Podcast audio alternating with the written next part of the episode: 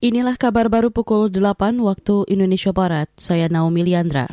Kementerian Pekerjaan Umum dan Perumahan Rakyat optimistis program padat karya tunai tahun depan akan serap tenaga kerja hingga 650 ribu orang. Menteri PUPR Basuki Hadi Mulyono mengungkapkan akan mempertahankan alokasi dana untuk program padat karya tunai dengan nominal yang kurang lebih sama dengan anggaran pada tahun ini.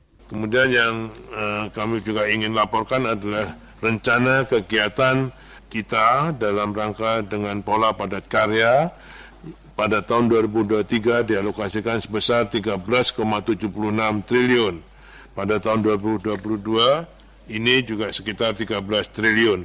Menteri PUPR Basuki Hadi Mulyono menambahkan program padat karya tunai pada tahun depan akan dibagi ke dalam empat bidang, yaitu sumber daya air, jalan, dan jembatan, permukiman, serta perumahan. Masing-masing sektor akan menerima alokasi dana dalam kisaran 2 hingga 4 triliun rupiah dengan serapan tenaga kerja 50 hingga 300 ribu orang.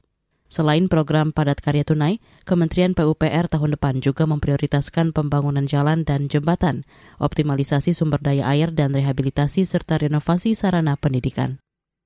Ratusan warga distrik Kuirok, Kabupaten Pegunungan Bintang, Papua, hingga kini masih mengungsi di Oksibil, ibu kota kabupaten. Bupati Pegunungan Bintang Papua Spei Bidana mengatakan masih ada sekitar 500 warga Kuirok yang mengungsi hingga kini.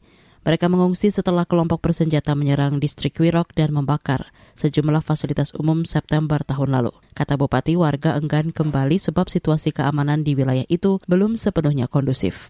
Ada di Oksibil, ada di distrik terdekat di Oklip dan di Oksebang. Ada upaya kita negosiasi dengan kita bersaudara yang berseberangan. Di Okhiga itu nanti anak-anak lokal yang sudah disiapkan untuk turun pelayanan. Jadi kemarin sudah rakyat dan sudah mulai bergerak untuk pelayanan kesehatan. Tapi untuk anak-anak semua kita ada sekolahkan di Oksibil.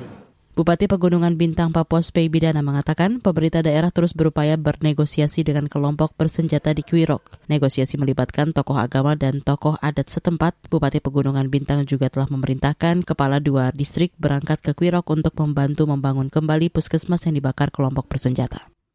Kita ke berita luar negeri. Pasukan tentara Israel telah menewaskan seorang pria Palestina dan melukai enam lainnya di kota Halhol, wilayah pendudukan tepi barat. Kementerian Luar Negeri Palestina menyebut pembunuhan pria berusia 27 tahun itu sebagai eksekusi oleh Israel. Kementerian menyerukan agar masyarakat dunia melindungi rakyat Palestina.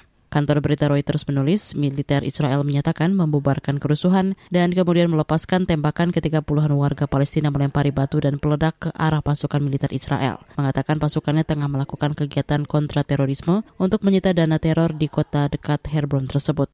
Menurut saksi mata, tentara Israel datang dan menutup satu kantor valuta asing sehingga menimbulkan konfrontasi dengan warga.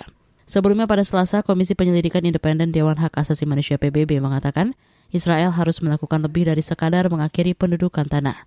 Laporan itu mendesak tindakan tambahan untuk memastikan hak asasi manusia yang setara. Laporan ini mengutip bukti yang mengatakan Israel tidak berniat mengakhiri pendudukan dan mengejar kontrol penuh atas wilayah pendudukan Palestina. Demikian kabar baru KBR, saya Naomi Liandra.